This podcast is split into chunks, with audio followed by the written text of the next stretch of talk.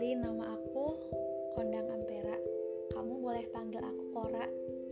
C O R A tapi panggilnya Kora ya. Biar lebih akrab kayak teman-teman aku.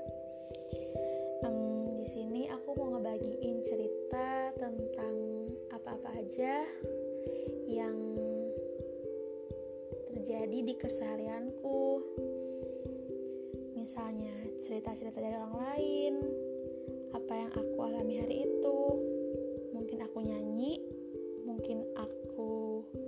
bacain puisi, atau aku curhat. Ya gitu deh, semoga kalau ini sampai didengarin sama kamu, kamu bisa nerima ini dan mengambil manfaatnya ya. Terima kasih. Dadah.